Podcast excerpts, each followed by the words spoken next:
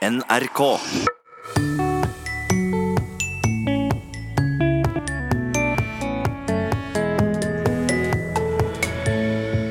Du har sikkert hørt trøndere sin måte å peke på i språket. Dere der får du ikke lov til, og herre her lar du være i fred. En helt hverdagslig sak.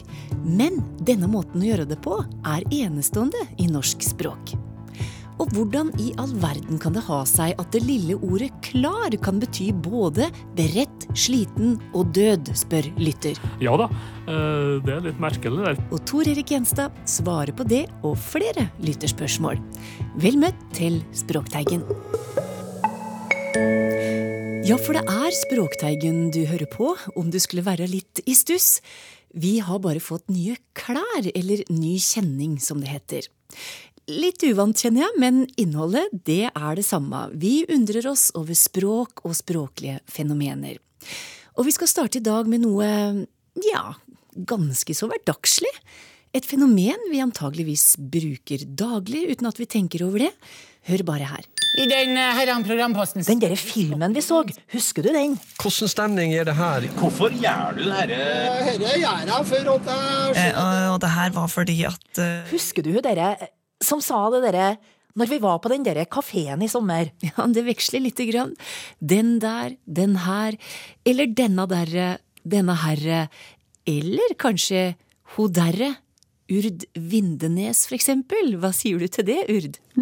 Ja, nei, da Det høres jo kanskje ikke så veldig hyggelig ut å opptale noen med, med sånne komplekse demonstrativer. Nei. Eller så kan det tyde på at du ikke kjenner meg så godt. Å ja. Men det henger jo sammen, det kan vi kanskje komme tilbake til. Det skal vi komme tilbake til. Men Urd, du har skrevet doktoravhandling om det her som på fagspråk kalles komplekse demonstrativer. Og først av alt, hva er det? Ja, som du sa til å begynne med, så er det jo egentlig et veldig sentralt uh, fenomen i språket, og enklere kanskje enn det høres ut. Ja.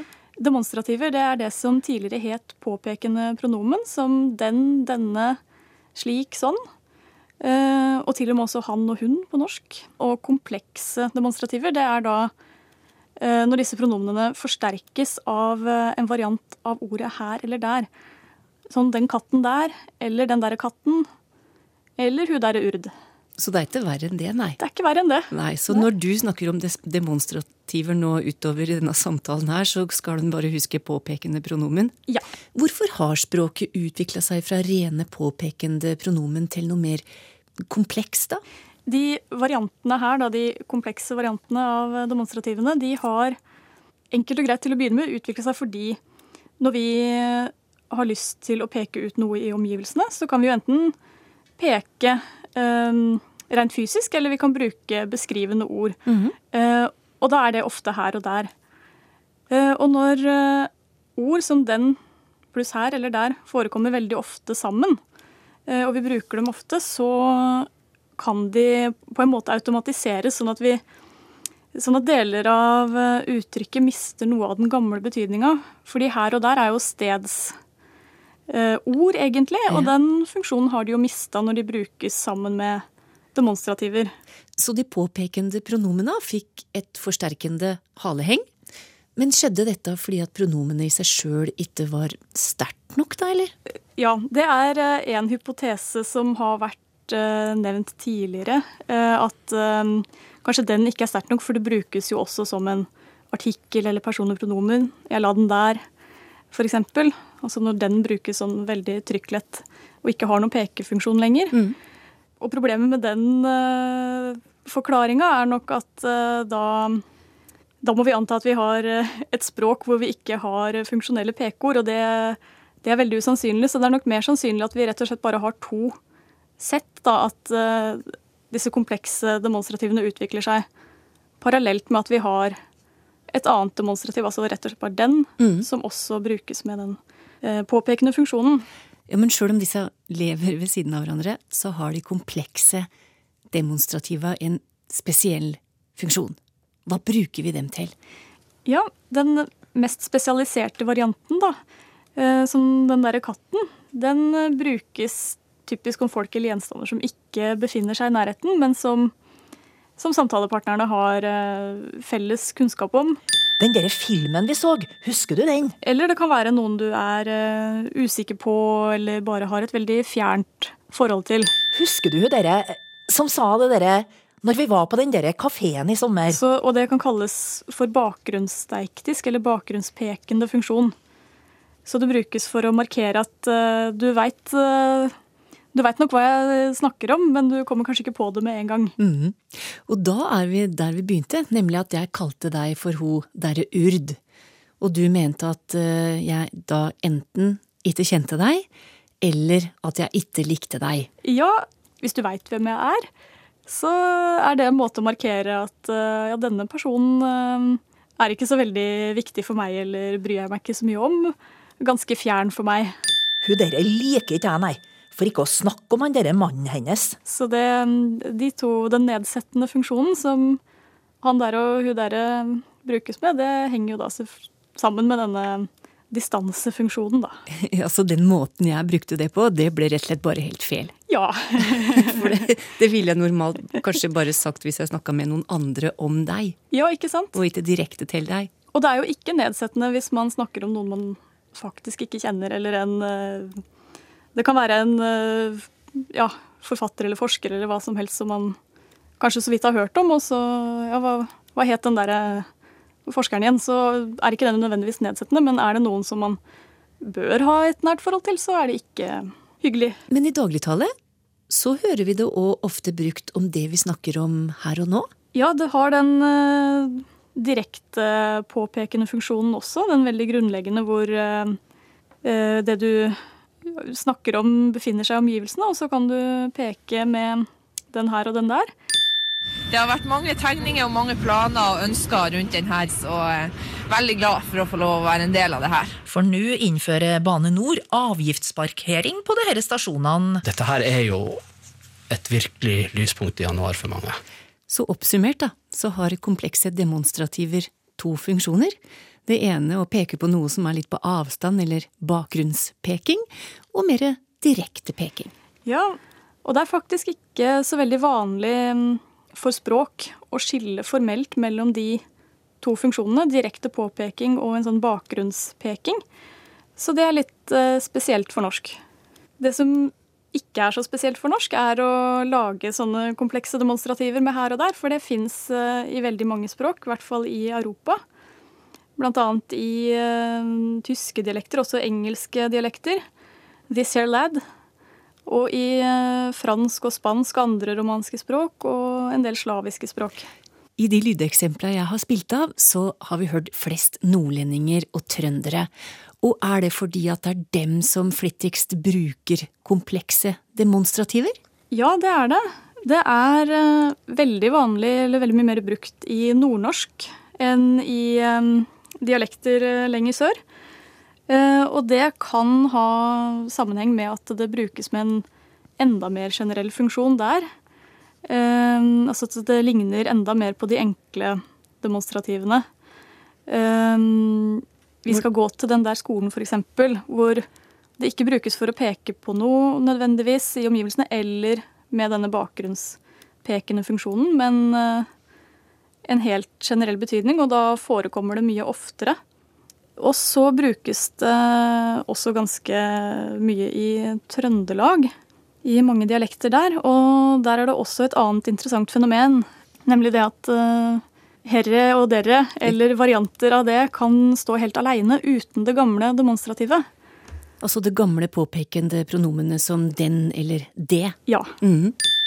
Herre klarer ikke jeg, og dere går ikke, nei. Da har vi jo endt opp med, med et helt nytt demonstrativ, da. Som kan forsterkes på nytt igjen. Herre her. Så, sånn Sånn går sånn dager. Ja, ikke sant. Dere der får du ikke lov til. Og herre her lar du være i fred. Er det andre variasjoner på disse komplekse eh, demonstrativa?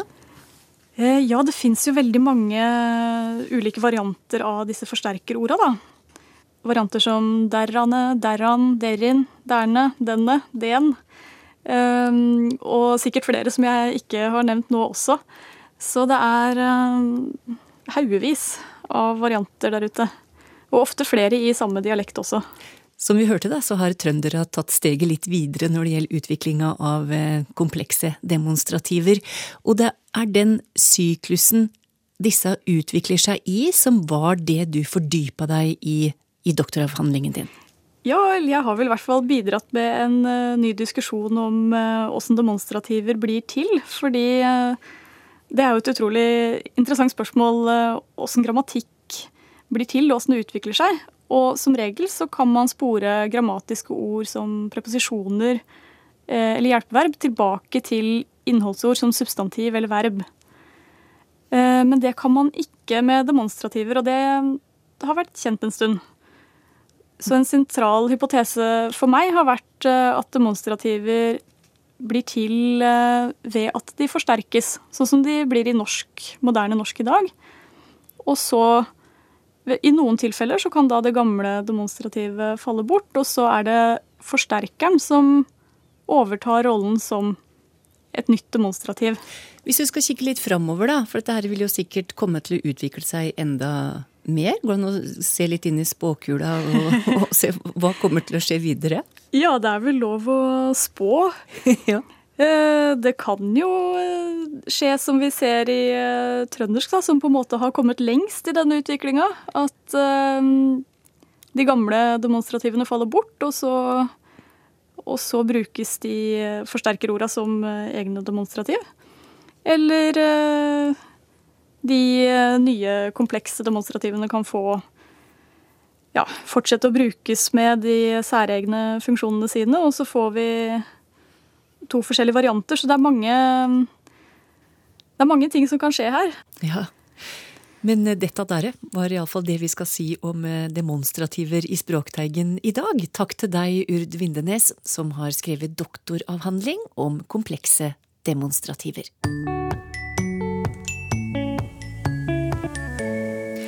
Elefanten i rommet? Hvor kommer det uttrykket fra, og når kom det inn i språket? Det er et av mange spørsmål som er stilt i Språkteigens Facebook-gruppe, ei gruppe du òg kan bli med i, og som du finner under NRK P2 si Facebook-side. Det er Philip Butler som spør, og jeg tenkte jeg skulle teste akkurat det spørsmålet i det nye, store ordbokverket som ble offisielt lansert denne uka, nemlig Det norske akademis ordbok.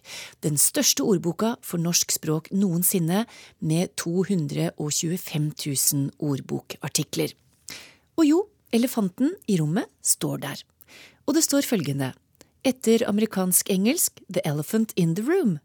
Og overført så betyr det stort problem eller kontroversiell sak som alle er oppmerksomme på, men som hun unngår å nevne fordi det vil være ubehagelig. Men det gir da ikke et fullverdig svar på spørsmålet ditt, Philip, altså om opprinnelse og når det kom inn i vårt språk, så det skal Språkteigen jobbe videre med. Men uansett, Lanseringa var altså denne uka, og direktør i Språkrådet Åse Vetås mener ordboka har blitt et viktig kulturhistorisk verk, i tillegg til dokumentasjon av språket. Nå er jo Norge i den fantastiske situasjonen at i løpet av to år så har vi fått to sånne svære dokumenterende verk. Et som dokumenterer bokmålet og riksmålet, et som dokumenterer det norske eh, folkemålet, altså dialektene rundt i hele landet, og nynorsken. Og alt denne dokumentasjonen, det er jo fantastisk viktige eh, kulturhistorisk informasjon. Altså alle de ordene som ligger der inne. Noen av de er mye i bruk, andre er lite i bruk, noen har vi helt slutta å bruke.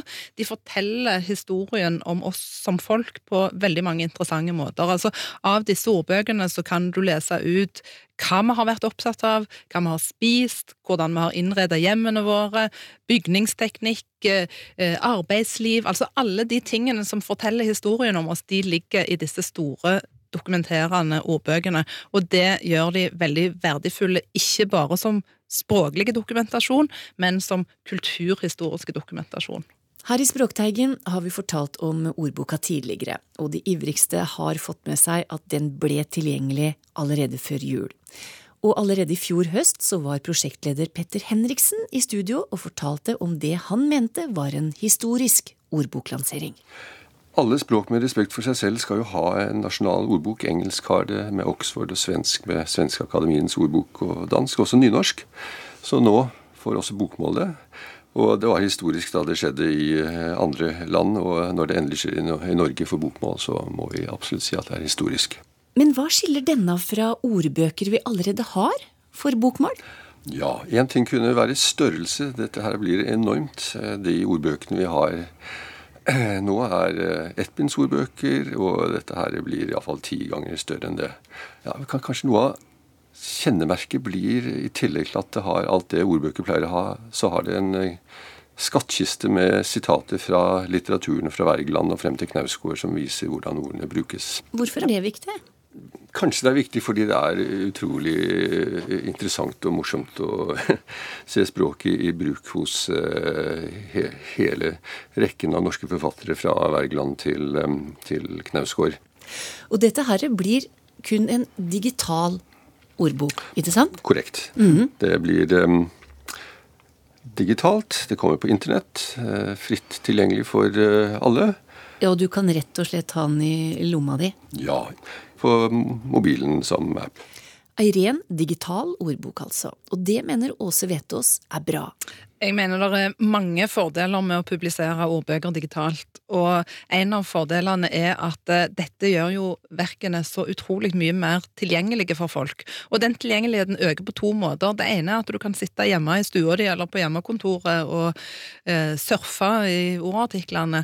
Det andre er at eh, det er lettere å porsjonere ut all den informasjonen som er i sånne eh, dokumentasjonsordbøker. For de gammeldagse papirordbøkene de var veldig veldig tette på tekst, og fulle av eh, forkortelser og grammatiske opplysninger som en nesten måtte være spesialist for å skjønne. I den digitale verdenen så kan en folde ut alt denne informasjonen og porsjonere den på en måte som gjør at brukerne finner det de ønsker å finne, mye enklere. Det sa direktør i Språkrådet, Åse Vetås. Men Finner du ikke det du trenger å få svar på i den nye ordboka, så kan du altså skrive til Språkteigen teigen krøllalfa nrk.no, eller bruke Facebook og Twitter. Nå skal vi svare på lytterspørsmål. Eller det vil si, det er det Tor Erik Gjenstad som skal få lov til. Og første spørsmål lyder slik. Kan Tor Erik Gjenstad forklare sammenhengen for bredt, sliten og død? Og det Jon S. sikter til, det er ordet klar. Eller klar, som har så ulik betydning. Ja da, eh, det er litt merkelig, Derfor det betyr jo som sagt eh, at den er beredt, ja. Eh, ferdig, klar til å dra. Men så har det også kommet til å bety sliten, ja. Er så klar, helt ferdig og faktisk også dø, ja. Mm. Uh, fra sliten til, uh, til, død. Det er jo en overgang som en kan skjønne, da. Uh, men Og det er vel Altså til sliten, da, så er det vel at en er klar, at en er ferdig til å legge seg. Ferdig har jo akkurat samme parallellene i betydning. Du er ferdig til å dra, men du er helt ferdig. ferdig ja. Ja. Segneferdig. Ja. Så det er helt uh, parallell utvikling. Så det er ikke noe mer mystisk at klar uh, får alle de betydningene, enn at ferdig har gjort det. Der jeg kommer fra, der kunne de til og med si det om f.eks. at batteriet er klart. Altså at det er utlada. Ja. Utgått. Så det, da er det jo ferdig, det òg. det må lades opp igjen. Og det er vel slik med folk òg, som, som, er klar, eller helt klar, helt ferdig. Du er helt klar, og så må du lades, og så er du klar igjen. Da er du klar igjen til ny innsats. Så litt lengre spørsmål.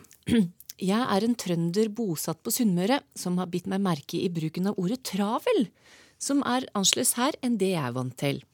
I Trøndelag betyr det at en person er mye på farten og har lite tid til overs, og det trenger ikke å være negativt. Men på Sunnmøre brukes det om noe som er slitsomt, vanskelig og stressende, og blir du omtalt som en travel person, så betyr det at du er tverr og krevende.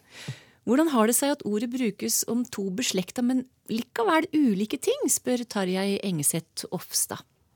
Ja, det er jo interessant. Eh, for den betydninga som en nevner her, så en travel person som er tverr og krevende, det er lite registrert, og vi kan ikke finne det i Norsk ordbok, f.eks. Men alt det her henger jo sammen med fransk 'travail', som betyr arbeid. Og du har jo òg det her travale, trevali, som vi har hatt i Språkteigen Ja. før, Mm. eh, som eh, betyr slitsomt og strevsomt. Og det må jo ha skjedd ei omtolking her, da. Altså det, at en person er travel, og at det er travelt. Og det er jo vanlig over hele landet, som uh, Tarjei sier her, at uh, det betyr vanligvis at, uh, at en har mye å gjøre og har dårlig tid. Mm. Uh, at det er ansamt, det er jo et synonym for travelt. Og da er det ganske kort overgang egentlig til at det kommer til å bety eh, slitsomt, strevsomt. Mm. For det, det henger jo godt i hop. Og derifra over til at en person er travel, eh, tverr og krevende, det kan jo være da gått via eh, at en liker dårlig å bli borthefta når en har det travelt. Og så blir en sur og tverr. Det er bare en uh, tannkje jeg har gjort meg om hvordan betydningsovergangen eh, kunne ha skjedd her. Det er til å kjenne seg igjen i. Hvis en har det litt travelt, så blir en gjerne litt tverr og Ja, ja, blir jo det. Hvis du blir borthefta, da, så kan du fort bli sur og tverr. Så det er egentlig forståelig uh, at det kan utvikle seg slik. Hmm. Ordet gurt brukes om øvre og nedre planke i et fagverk, og det kalles over- og undergurt. Jeg har lett etter opprinnelsen til ordet, men finn ingenting, skriver Leif Karstensen. Men kanskje døkk vet svar? Ja, jeg tror nok det. Eh, Det er et tysk ord, det der. Gurt. G-u-r-t skrives det. Og det betyr et belte eller et bånd. Eh, Det er jo i slekt med vårt ord jord, eller gjord, da. Ja. Eh, Om belte eller bånd rundt et trekar. Det, det er jo ei jord. Og det, det er jo i slekt, de to her, norske Gjord og det tyske Gurt, gjennom avlyd. Ja, for i dag heter vel belte på tysk gürtel? Ja, det er jo avleda igjen av det her Gurt. Mhm. Så det er helt riktig. Og du har noe girdle på engelsk og, du har noe slike uh, girth. Mhm. Så du har noen slektninger der. Uh, men det her håndverksuttrykket, da, det, det står i Norsk riksmålsordbok. Ja. Og der er det definert som langsgående hovedledd i en fagverkskonstruksjon. Ja. Så det er nok et uh, tysk håndverkerord som har kommet opp hos oss. Uh, typisk fagspråk, det der. Og det er vel noe med at denne her eh, undergurten da binder det hele litt sammen? Ja, det bedt det sammen, akkurat som for så vidt et belte eller ei livjord. Ja. Eller ei jord på en dall eller ei bøtt, eksempel. Hva betyr uttrykket å holde noe eller noen stangen, spør Solvår Bore. Ja, øh, det betyr vel altså å, å hamle opp med. og, og holde noen i sjakk og greie å måle seg med. Eh, Holde noen stangen, ja, det er vel ikke noe typisk dialektuttrykk, kanskje. Eh, Du har det også i dansk og svensk. Svensk holde noen eksempel. Å, dere, dere viser til stanga, altså? Ja, det, det er nok et eller annet med ei stong, ja. Og, og fra tysk, da, einem de stange halten. Og det er litt forskjellige teorier om det der. Somme hevder at det skal gå tilbake på gamle skikk ved tvekamp, eh, der dommeren da skulle ha skjørt dem som kjempa fra hverandre med ei stong når den, når den ene ga seg. Ellers så, så er det òg nevnt her det der med å, å trekke jevnt om hester som går i spann. Ja. At de holder liksom eh, plassen sin. Mm. Og andre ting som er nevnt her, det er da gamle slagorden 'soldater i, i fremste rekke som holdt av lansene'. Eh, og, og om å gjøre å holde dem da på plass. Hmm. Og, ikke, ikke ødelegge eh, rekka. Så det er flere teorier om det, men det er iallfall et eh, gammelt uttrykk som har med stang å gjøre, og det er noe med å, å, å, å holde i sjakk, altså greie å, måle seg med. Jeg så liksom for meg to elgokser som sto og stange med hverandre, ja. Ja. men det ble feil. ja, ja, det blir vel egentlig det. Det, det er nok eh, helt annet ordmateriale her. Ja. Mhm. Faren min hadde navn på et enkelt trinn som står på begge sider av et gjerde, og dette trinnet var satt på hver side for at det skulle være lettere å komme over for folk, og dyra klarte ikke å gå på det. Men jeg har glemt hva dette trinnet heter, kan dere hjelpe, spør Anne Bakken, og da er det kanskje lurt å legge til at hun er fra Arendal. Ja, eh, hvis jeg skal gjette på noe her, så må det være ei stette, ei eller ett stette, eventuelt ei stett. Det er iallfall belagt ifra Øst-Telemark, blant annet, og da begynner du Det er jo ikke så langt ifra Arendal. Eh, Så jeg vil tro det kan være det. Eh, Svensk er det mer vanlig. Stetta, om eh, slik trinn, da, eller tropp, som, som går over et gjerde. Og det henger sammen med å stige. Ja. Eh, Det finnes andre ord for det, for eksempel klivle, eller klivele. Ja. Det er at å klyve over som ei tropp, da. Og det går vidt ikring, det òg. Både østafjells og det finnes i Trøndelag. Og du finner òg ord som klivekrakk og klyvestøtte. Så det kan jo være et av dem kanskje som er tenkt på, her, men helst støtte, stette, vil jeg tro. Hva kommer ordet estimere av, og hva betyr det? Her på Helgeland så sier mange jeg estimerte det ikke, og det betyr altså at de ikke oppfatta det. Hva kommer det av, spør Mats, som mener at estimere har en annen betydning?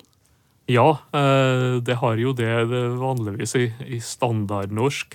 Så er det jo å, å, å gjøre et anslag, eller et overslag. Altså du kan estimere et økonomisk resultat, et overskudd f.eks. Og du kan estimere et folketall, og da lager du et estimat. Ikke sant? Men eh, dialektalt så, så betyr det også og ja, her det særlig nek nekting, da, at en ikke estimerer noe. Enten at du ikke oppfatter det, eller kanskje vel så mye at du ikke bryr deg om det, eller ansa på det, legg merke til det. Estimerte han ikke. Eh, Det jo et uttrykk at eh, eh, han estimerte den ikke mer enn skiten på under skoen sin. Det er litt brutalt. Men alt det der eh, det kommer inn via fransk, og det er fra latinsk eh, verb som, som betyr å vurdere.